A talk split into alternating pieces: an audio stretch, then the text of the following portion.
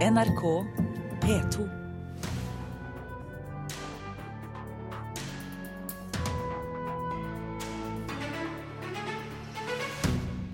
Opprørte demonstranter møtte Ibsen-prisvinner Peter Hanke i går, men dramatikerkollega Jon Fosse tok ham i forsvar. Sjangeren vokser, stadig flere etablerte forfattere velger å skrive krim for å nå ut til flere lesere. Og festivalen Skeive filmer bytter navn neste år. Ordet skeiv skremmer publikum, tror de.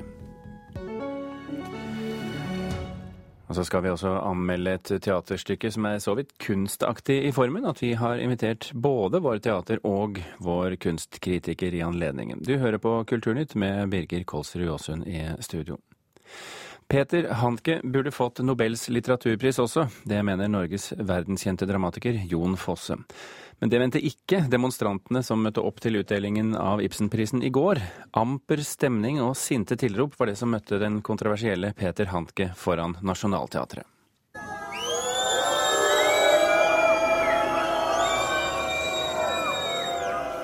Buing og sinte tilrop var det som møtte vinneren av den internasjonale Ibsenprisen i går. Kring 50 demonstranter var samla utenfor Nationaltheatret i Oslo for å protestere mot tildeling av prisen til den austeriske dramatikeren Peter Handke. Han beskyldes for å bagatellisere serbiske overgrep under Balkankrigen, og er kjent for sitt forhold til den tidligere presidenten i Serbia, Slobodan Milosevic. Tildeling av Ibsenprisen til dramatikeren har vekt stor harme. Som et initiativ fra foreninger med bakgrunn fra Bosnia og Kosovo stilte folkemassene seg i går opp for å møte Hanke, som var på vei inn for å hente prisen sin. Dette er respektløst og en skandale fra, fra Ibsen-juryen. Sier Nui Petsi, som deltok på demonstrasjonen i går. Og Det vi prøver å oppnå, er å rett og slett få Hanke, forfatteren, til å levere prisen tilbake. Uh, han fortjener den ikke. og han bør ikke ha fått den. De har fulle rett å demonstrere, sa juryformann Per Boje Hansen. Hvis noen uh, har en slik uh, mening, så må de få lov å komme med den. Det er også Peter Hankes uh, holdning til dette. Han har opplevd det tidligere, og hans måte å møte det på er å gå rett bort til de som demonstrerer og snakke med dem. Boje forteller at juryen fremdeles står samla bak tildelinga. Når det gjelder den diskusjonen som har oppstått med Hankes eh, engasjement og politiske holdninger og handlinger i forbindelse med Balkankrigen, så mener juryen eh, unisont at eh, ingen av hans eh, handlinger eh, diskvalifiserer ham fra å bli tildelt prisen. Peter Hantke gikk sjøl bort til demonstrantene for å se dem i øynene, som han uttalte. Han hadde en egen budskap til de frammøtte somebody is calling me fascist, it's, it's, it's a good thing, good thing for you. But what, what is your answer to people who God bless them, God bless them, God bless them. Yeah. Den norske dramatikeren som tidligere har fått Ibsenprisen, Jon Fosse, var til stades under tildelinga. Han stiller seg bak juryens valg av Hanke. Jeg har flere ganger blitt spurt om hvem jeg mener bør få Nobelprisen, og da har jeg svart Peter Hanke. Jeg er veldig glad for at han får Ibsenprisen for samla forfatterskap, vil jeg si. Det er dramatikkens uh, en viktig del. Han er, uh, slik jeg ser det, uh, kanskje den viktigste forfatteren som, er, som lever og skriver. I introduksjonen av Hantke la juryformann Boje vekt på dramatikeren. Og såleis kunne den kontroversielle kunstneren gå inn på scenen og hente den gjeve prisen. It's a the winner of International Expo 2014 here Reporter her, det var eh, Guro Kvalnes. Lederne for tre av Norges største teatre reagerer på Oslo-dominansen i Kritikerlagets teaterpris. Samtlige nominasjoner fra årets pris kommer fra Nationaltheatret i Oslo, noe Agnete Haaland ved Den nasjonale scene, Nina Wester fra Hålogaland teater og Arne Nøst fra Rogaland teater er kritiske til. Bare fire ganger siden prisen ble innstiftet i 1939 har prisen gått til forestillinger fra andre steder enn Oslo, skriver Klassekampen.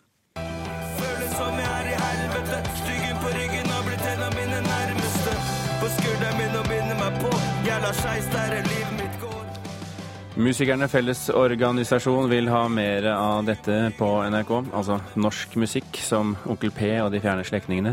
De mener minst annenhver låt bør være norsk, skriver Aftenposten. Det kommer frem etter at Kulturdepartementet har lagt NRK-plakaten ut til høring. I dag er 35% av musikken på NRKs radiokanaler norsk. Radiosjef i NRK, Marius Lillelien, sier til avisen at han ikke ønsker flere statlige krav til kanalens redaksjonelle avgjørelser.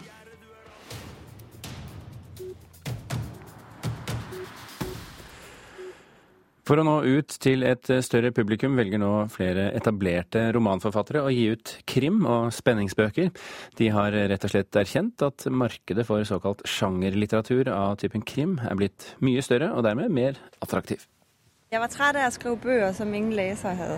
For den danske forfatteren Sissel Jo Gazan ble krimsjangeren en måte å nå ut til flere på. Gazan, som er biolog, har hatt stor suksess med vitenskapskrimmen 'Dinosaurens fjær'. Jamen, det er jo klart at jeg er kommet ut til et mye større publikum, fordi folk kanskje har vært opptatt av å lese krimier i forveien, og så har de så tatt min fordi det var en krimi. Så på den måten er jeg rett stolt av at jeg er kommet ut til familien Danmark og fått alle mulige øh, mennesker til å lese om dinosaurer og vaksiner. Sju av de 15 mest solgte skjønnlitterære bøkene i Norge i fjor var krimutgivelser, ifølge tall fra Bokhandlerforeningen. Den svenske forfatteren Karl Johan Valgren krimdebuterte i høst med 'Skyggegutten', og erkjenner at sjangerlitteratur er det de fleste leserne vil ha i dag. Sen opplever jeg i Sverige at det ikke heller så veldig mange unge mennesker som leser skjønnlitteratur. Og därmed er det heller ikke så mange som skriver det. Man kan ikke bare skrive for seg selv, utan man må jo på noe sett skrive for noen, noen samtid. Eh, jeg var egentlig på vei til Helge. Også vår egen Tore Renberg har gjort en helomvending i sitt forfatterskap. I Frelseren Jesu Kristi navn, tennis!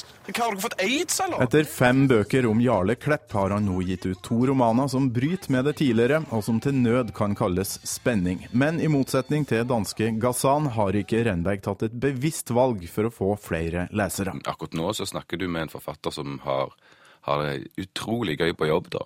Og det er sånn det må fungere, tenker jeg at jeg jobber med det materialet jeg gjør, til det ikke gnistrer hos meg lenger. Eh, for da er det på tide å, å, å gå et annet sted. Litteraturanmelder i NRK Leif Ekle håper at bidragene fra de skjønnlitterære forfatterne som nå har begynt å skrive krim, kommer til å utvikle sjangeren videre. Hvis de går inn i dette for å skrive, skrive krim med samme ambisjon som de skriver skjønnlitteratur, da, da, er det, da, er håp om at dette kan bli bedre.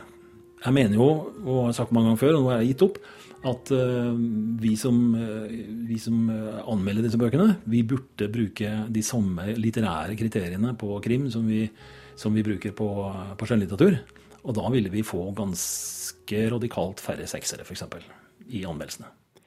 Ja, det sa litteraturanmelder Leif Ekle. Reporter var Torkil Thorsvik. Og du får høre mer om denne saken i Kulturhuset Bok 14.30 i ettermiddag. Kunstnergruppen, eller teatertruppen Verdensteatret, presenterte denne helgen en flunkende ny forestilling under tittelen Broen over gjørme. Gruppen ble startet i 1986 og har gjort seg bemerket med sine grenseoverskridende prosjekter i snart 30 eh, år. Og fordi dette er like mye kunst som teater, så har vi sendt ut både vår kunstkritiker og vår scenekritiker for å se denne urpremieren. Kan du begynne med deg, da, teaterkritiker Karen Frøsland Nystøl. Hva slags forestilling er det Verdensteatret har gitt oss nå? Det er en forestilling der eh, jeg syns det er vanskelig å bruke de vanlige teaterbegrepene for å beskrive det. For her er det ingen skuespiller i tradisjonell forstand, og her er det heller ikke noen replikk i tradisjonell forstand. Det er Altså, Verdensteatret kaller seg sjøl et slags fortellerorkester. Der sjangeren de, dette orkesteret spiller i, um, kan kalles bevegelige rom. Så her Dette er en forestilling for hele sanseapparatet. Det er kanskje lettere å si det som et rom du går inn i, der du skaper ei fortelling sjøl. Jeg kjenner at jeg lengter veldig etter en litt konkretisering her, men la oss prøve eh, Mona Palle Bjerke først, eh, før vi går inn på det. Eh, den visuelle opplevelsen så, som, eh, som, Karen snakker om her, eh, Hva er, vi, hva er det vi egentlig får se? Ja, det er en veldig sterk opplevelse både for øyne og ører, dette. Vi setter oss inn i et dunkelt rom, og som Karen sier, så blir hele sanseapparatet vårt på en måte invadert av rytmer, toner, klanger, stemmer, messende stemmer. Eh, enten på et språk vi ikke forstår, eller bare at vi ikke oppfanger ordene. Og hele dette stiger jo da til en voldsom eksplosjon av lyd, som er, er på et tidspunkt helt øredøvende, og som avløser avløses da av en litt sånn skjør stillhet som kanskje bare har en liten tikking eller en rasling. Og ut av mørket så stiger det jo noen helt uh, uhyggelige og vakre skygger, som da er fremskapt på en veldig interessant måte. Man har lagd en slags jernbane på tog, en sånn togbane for barn, som det ser ut som, på gulvet. Og der farer det rundt lyskastere som små tog. Og de er, rundt denne skinnegangen så er det jo satt opp figurer, elementer, objekter som fanger opp lyset, og som skaper disse fantastiske skyggene på veggene og i taket. Og da er det jo også denne rytmen fra toget som gjør at du får følelsen av å bli tatt med på en reise inn i dette fremmedartede, nesten drømske landskapet. Skal vi lete etter en handling her, Karen?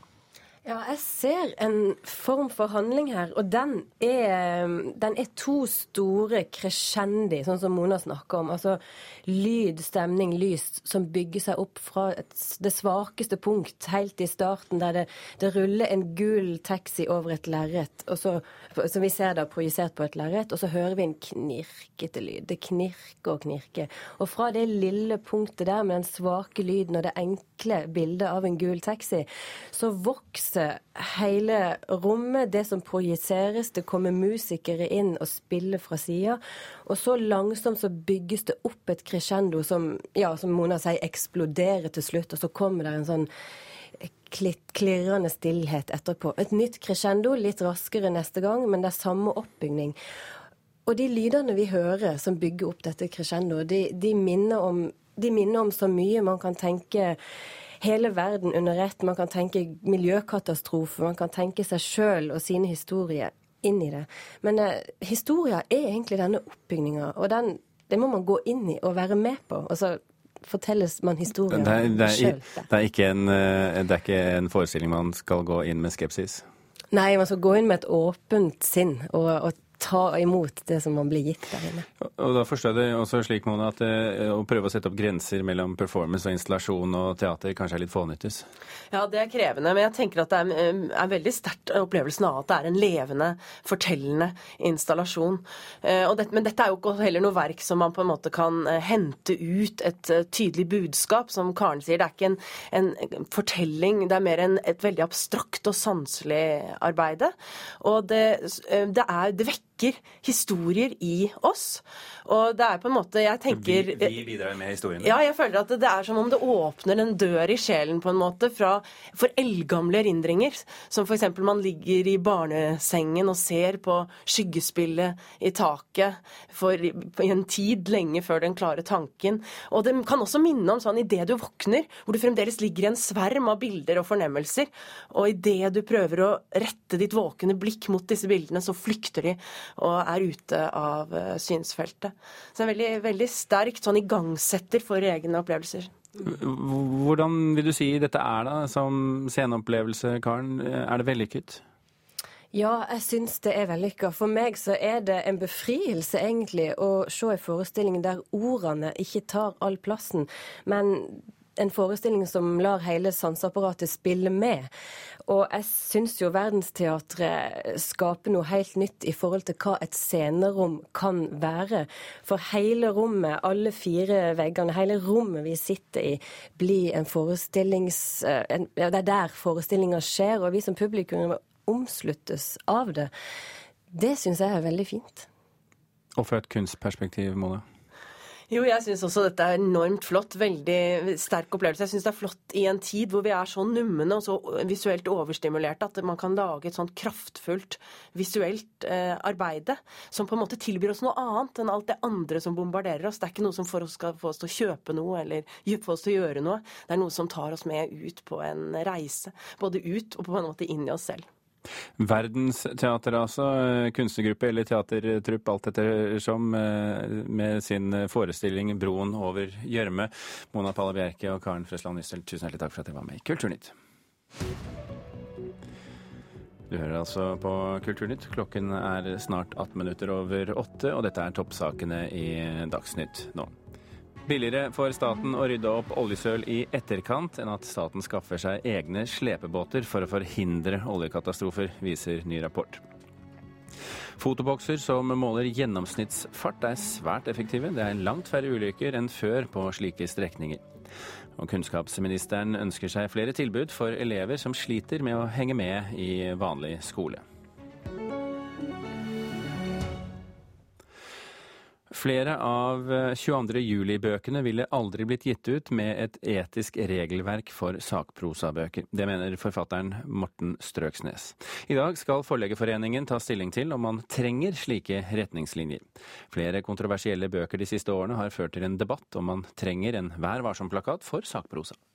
Tankesettet rundt retningslinjer og råd er forbundet med så mange risikoer eller uintenderte konsekvenser at man må bare la det ligge. Det sier forfatter Morten Strøksnes. Han er en av de som forholder seg kritisk til tanken om etiske retningslinjer knyttet til sakprosa. Debatten om et etisk regelverk i den norske forlagsbransjen har pågått over en lengre periode, og er nå på bordet igjen. Styret i Forleggerforeninga skal i dag diskutere hvordan foreninga kan bidra til et høyt etisk nivå i forbindelse med utgivelse av sakprosa. Morten Strøksnes forstår at de har behov for å diskutere dette, men er motstander av de virkemidler det har vært snakk om tidligere.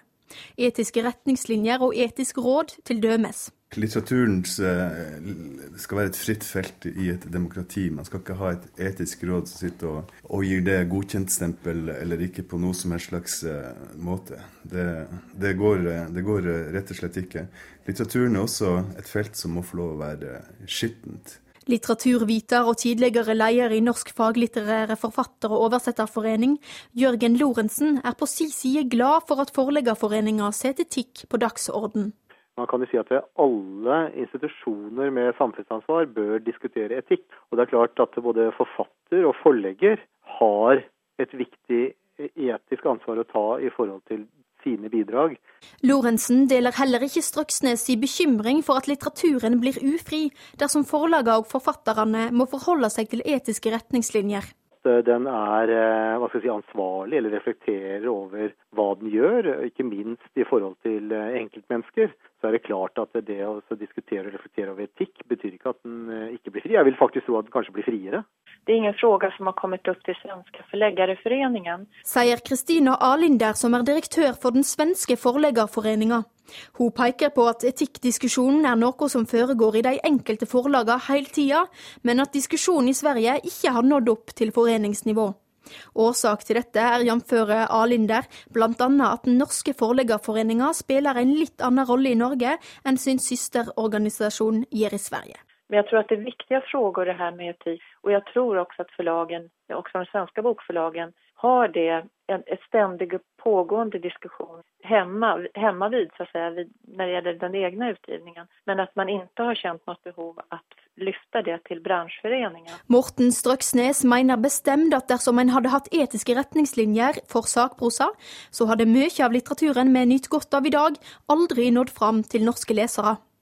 Da særlig med tanke på enkelte av de bøkene som kom ut i kjølvannet av 22. juli. Disse bøkene ville umulig kunne blitt, blitt utgitt med et sånt regelverk. For det ville vært brudd på brudd, eksplisitte brudd, helt klare brudd. Jeg tror ikke noen i det litterære feltet, og i hvert fall ikke forleggerne, ville vært uten de bøkene. Administrerende direktør i Den norske forleggerforeninga, Kristen Einarsson, sier at han ikke ønsker å gi noe kommentar før styret har behandla saka. Og det sa vår reporter Guro Kalnes.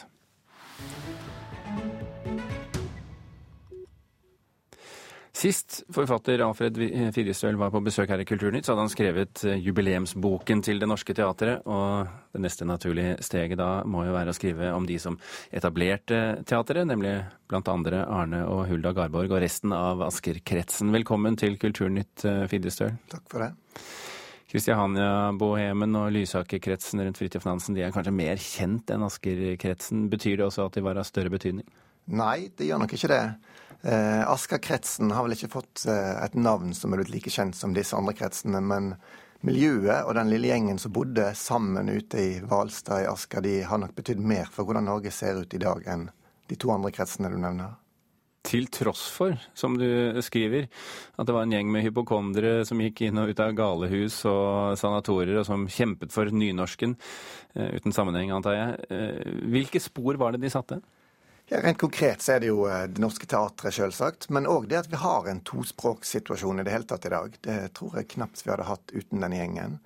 Og de bygde opp en nynorsk dagspresse, riksdekkende avis, folkedansen, bunadstradisjonen og mange av de viktigste bøkene i norsk litteraturhistorie er skrevne der ute. Og mange av de viktigste i verdens litteraturhistorie er oversatt der ute, fra Homer og Holberg og Molière. Og dette er altså midt i det østnorske språkriket? Ja. De lagde, lagde seg en lite sånn nynorsk Chinatown ute på Labråten i Hvalstad, der de forsøkte å Litt sånn motkulturelt motkraftsenter liksom, inn i norsk kultur. Ja, det som i dag er Asker museum. Ja. ja. Eh, hvis vi går gjennom eh, listen over de som tilhørte Asker-kretsen, her er det sikkert litt uenighet hvem det var, men vi ser jo eh, sånn kjente navn i norsk kulturhistorie som Garborg og Steinsvik og Uppdal, Løland, Welhaven, Heiberg, Aschehoug, Fangen eh, og flere andre i og for seg. Hva er det det forteller oss? Det, det, dette boka mi konkret handler om, det er jo rett og slett et gårdskjøp som ektepar Garborg og ektepar Steinsvik og ektepar Ivar og Karen Mortensson gjør sammen i 1897. Eh, og Da flytter de der fordi de ønsker å skape en plass der de kan på en måte bygge et nytt Norge. De må bo nært hovedstaden for å være med å endre nasjonen, og så vil de bo på landet. for de skal ja, være bønder. Ikke inni det der bygreiene? Nei, for guds skyld, ut av byen. Eh, og så fungerer nok de som et magnetfelt på folk som på en måte sympatiserer med saken og beundrer de, som Kristoffer Uppdal, Olav Nygaard, eh, Erik Lie og Henrik Rytter. Folk som bosetter seg rett rundt denne kretsen. Eh, og det, det, er sikkert folk som tenker likt òg, som ønsker å bo landlig og sympatisere mm. med saken. Men klart at disse personene har trekke til seg mange av disse aktørene. Ja, Og så var det jo en togstasjon der, vi må ikke glemme ja, det. det var jo helt så det var lett å komme inn til ja. det ufyselige i byen. Ja. ja. Eh, hvor målrettet jobbet Asker-kretsen? Eh, ja, De jobba jo målretta med at de hadde mange veldig konkrete prosjekt som de ønsket å få gjennomført, og så de tok eh, lure strategiske grep for å få til. Men det var ikke en krets på den måten. De oppfatta ikke seg sjøl som en krets. Det fins ikke noe sånn manifest eller møter i kretsen. Men de er en de er en ganske samkjørt gjeng som ønsker å jobbe for det samme, og så på en måte får til veldig mye i løpet av den tiden de bor der. Men var de klar over selv hvilken rolle de spilte i oppbyggingen av, av norsk kultur, slik du beskriver den? Uh, ja, jeg tror de er det til slutt. Altså Når Arne Garborg dør i 1924 og på en måte boka mi slutter, da, da har de på en måte sett Det Norske Teatret har stått der i ti år, hatt tiårsjubileum. Eh, aviser som de lagde den 17. mai, har hatt 25-årsjubileum og blitt en av landets tre største aviser. Eh, og folkedansen og bunadstradisjonen er gjenetablert. Så da tror de ser at Det har virket. Verket let seg ikke blåse ned, skriver Arne Garborg i dagboka da. Eh, og da Det Norske Teatret ble etablert, så ledet jo det til demonstrasjoner og gatekamper i Oslo. Hvordan ble de for øvrig mottatt av kulturlivet i hovedstaden? Ja, De brukte jo noen år på å sette seg respekt, men eh, når Det Norske Teatret på en måte får sitt kunstneriske gjennombrudd, så er det jo ingen som kan feie det vekk lenger, sånn som en prøvde de første årene. Så da var de eh, etablert også sett utenfra? Ja. Alfred eh, Fidjestøl eh, med boken om Asker-kretsen, tusen hjertelig takk for at du kom til eh, Kulturnytt. Vi skal fra bøkenes verden og inn i filmens verden for festivalen Skeive filmer, som arrangeres i Oslo i disse dager. De har bestemt seg for å bytte navn i anledning 25-årsjubileet neste år. Grunnen er at festivalledelsen mener ordet skeiv er en belastning, og at det virker skremmende og fremmedgjørende på publikum. Ja, jeg tror det. Um, dessverre. Jeg tror folk blir de føler at kanskje filmen ikke angår dem, at det utelukkende handler om hvordan det er å være homofil. Det, det er mye fordommer mot skeiv film. Det sier festivalleder Bård Ydén. Festivalen arrangeres i år for 24. gang. På programmet er bl.a. filmen 'Love Is Strange' med John Lithgow, Alfred Molina og Marissa Tomei. We are gathered here today with the purpose of uniting in matrimony George Esteban Gareya Benjamin Arthur Hall. Men til tross for kjente skuespillere og høy kvalitet, har festivalen vært labert besøkt de seneste årene. Så jeg tror nok et navneskifte vil, eh, vil gjøre en forskjell nå til neste år. Er det fare for at den mister særpreget? Nei, det er det ikke. Jeg tror bare den blir bedre. What about bras? I don't wear those. Why not? I just don't have that much to work with, so it feels a little silly Filmekspert og nestleder i Landsforeningen for lesbiske, homofile, bifile og transpersoner, Brita Møystad Engseth, sto for den offisielle åpningen av festivalen fredag. Hun mener det er litt synd at den snart endrer navn. Hvis skeiv er et ord som gjør at det, eh, alle som ikke er det, løper skrikende i andre retninger, eh, så må man vel gi dem et navn som gjør at de tør å gå og se filmene, da. Men det er litt synd hvis man må kalle det noe annet for at folk skal tørre å gå og se god film. Kan du tenke deg det? Men som filmfantast ser hun også det positive i at et navnebytte kan tiltrekke seg et bredere publikum. For festivalen har hevet seg enormt de siste årene, og det er mange perler å gå glipp av, mener Møystad Engseth. Så det er ikke noe tvil eh, om at det Skeive Filmer har eh, vært råflinke eh, de siste årene på å booke kvalitetsfilm. Jeg vil si at programmet kan godt måle seg med Eh, både filmfestivalen i Bergen og i Trondheim, og også Haugesund for den saks skyld. Hva festivalen faktisk skal hete neste år er ikke bestemt. Brita Møystad Engseth mener valg av navn vil ha mye å si for det homofile miljøet. Eh, vi er jo et tolerant miljø. Vi kan leve med mye. Eh, bare det ikke blir en sånn, et, et tullete navn som ikke sier noen ting. Den bør være forankret i den kulturen som jo faktisk har vært med på å bygge opp festivalen, som har støttet den i, i snart 25 år. Eh, så det å fjerne seg fra, fra homomiljøet vil jo være, om ikke katastrofalt, så vil i hvert fall det være å, å fornærme veldig mange som har gått dit år etter år etter år. One of the country's most controversial writers and social critics. She was a relentless campaigner for human rights and against war. The most intelligent woman ja, Til slutt hørte du et klipp fra dokumentaren 'Regarding Susan Sontag', som forfatter, skribenten og feministen med, eh, om, hennes, eh, om, hennes, liv. Filmen er Møystad Engseths favoritt under skeive filmer i år. Reporter Une Marvik Hagen. Kulturnytt runder av. I dag har vi fortalt at Jon Fosse mener Ibsen-prisvinner Peter Hanke også burde få Nobels litteraturpris. Helt motsatt demonstrantene som møtte Hanke med buing ved prisutdeling i går. Hanne Lunås, Espen Alnes og Birger Kålsrud Aasund takker for nå, og gir mikrofonen til Tor Albert Frøsland og Nyhetsmorgen.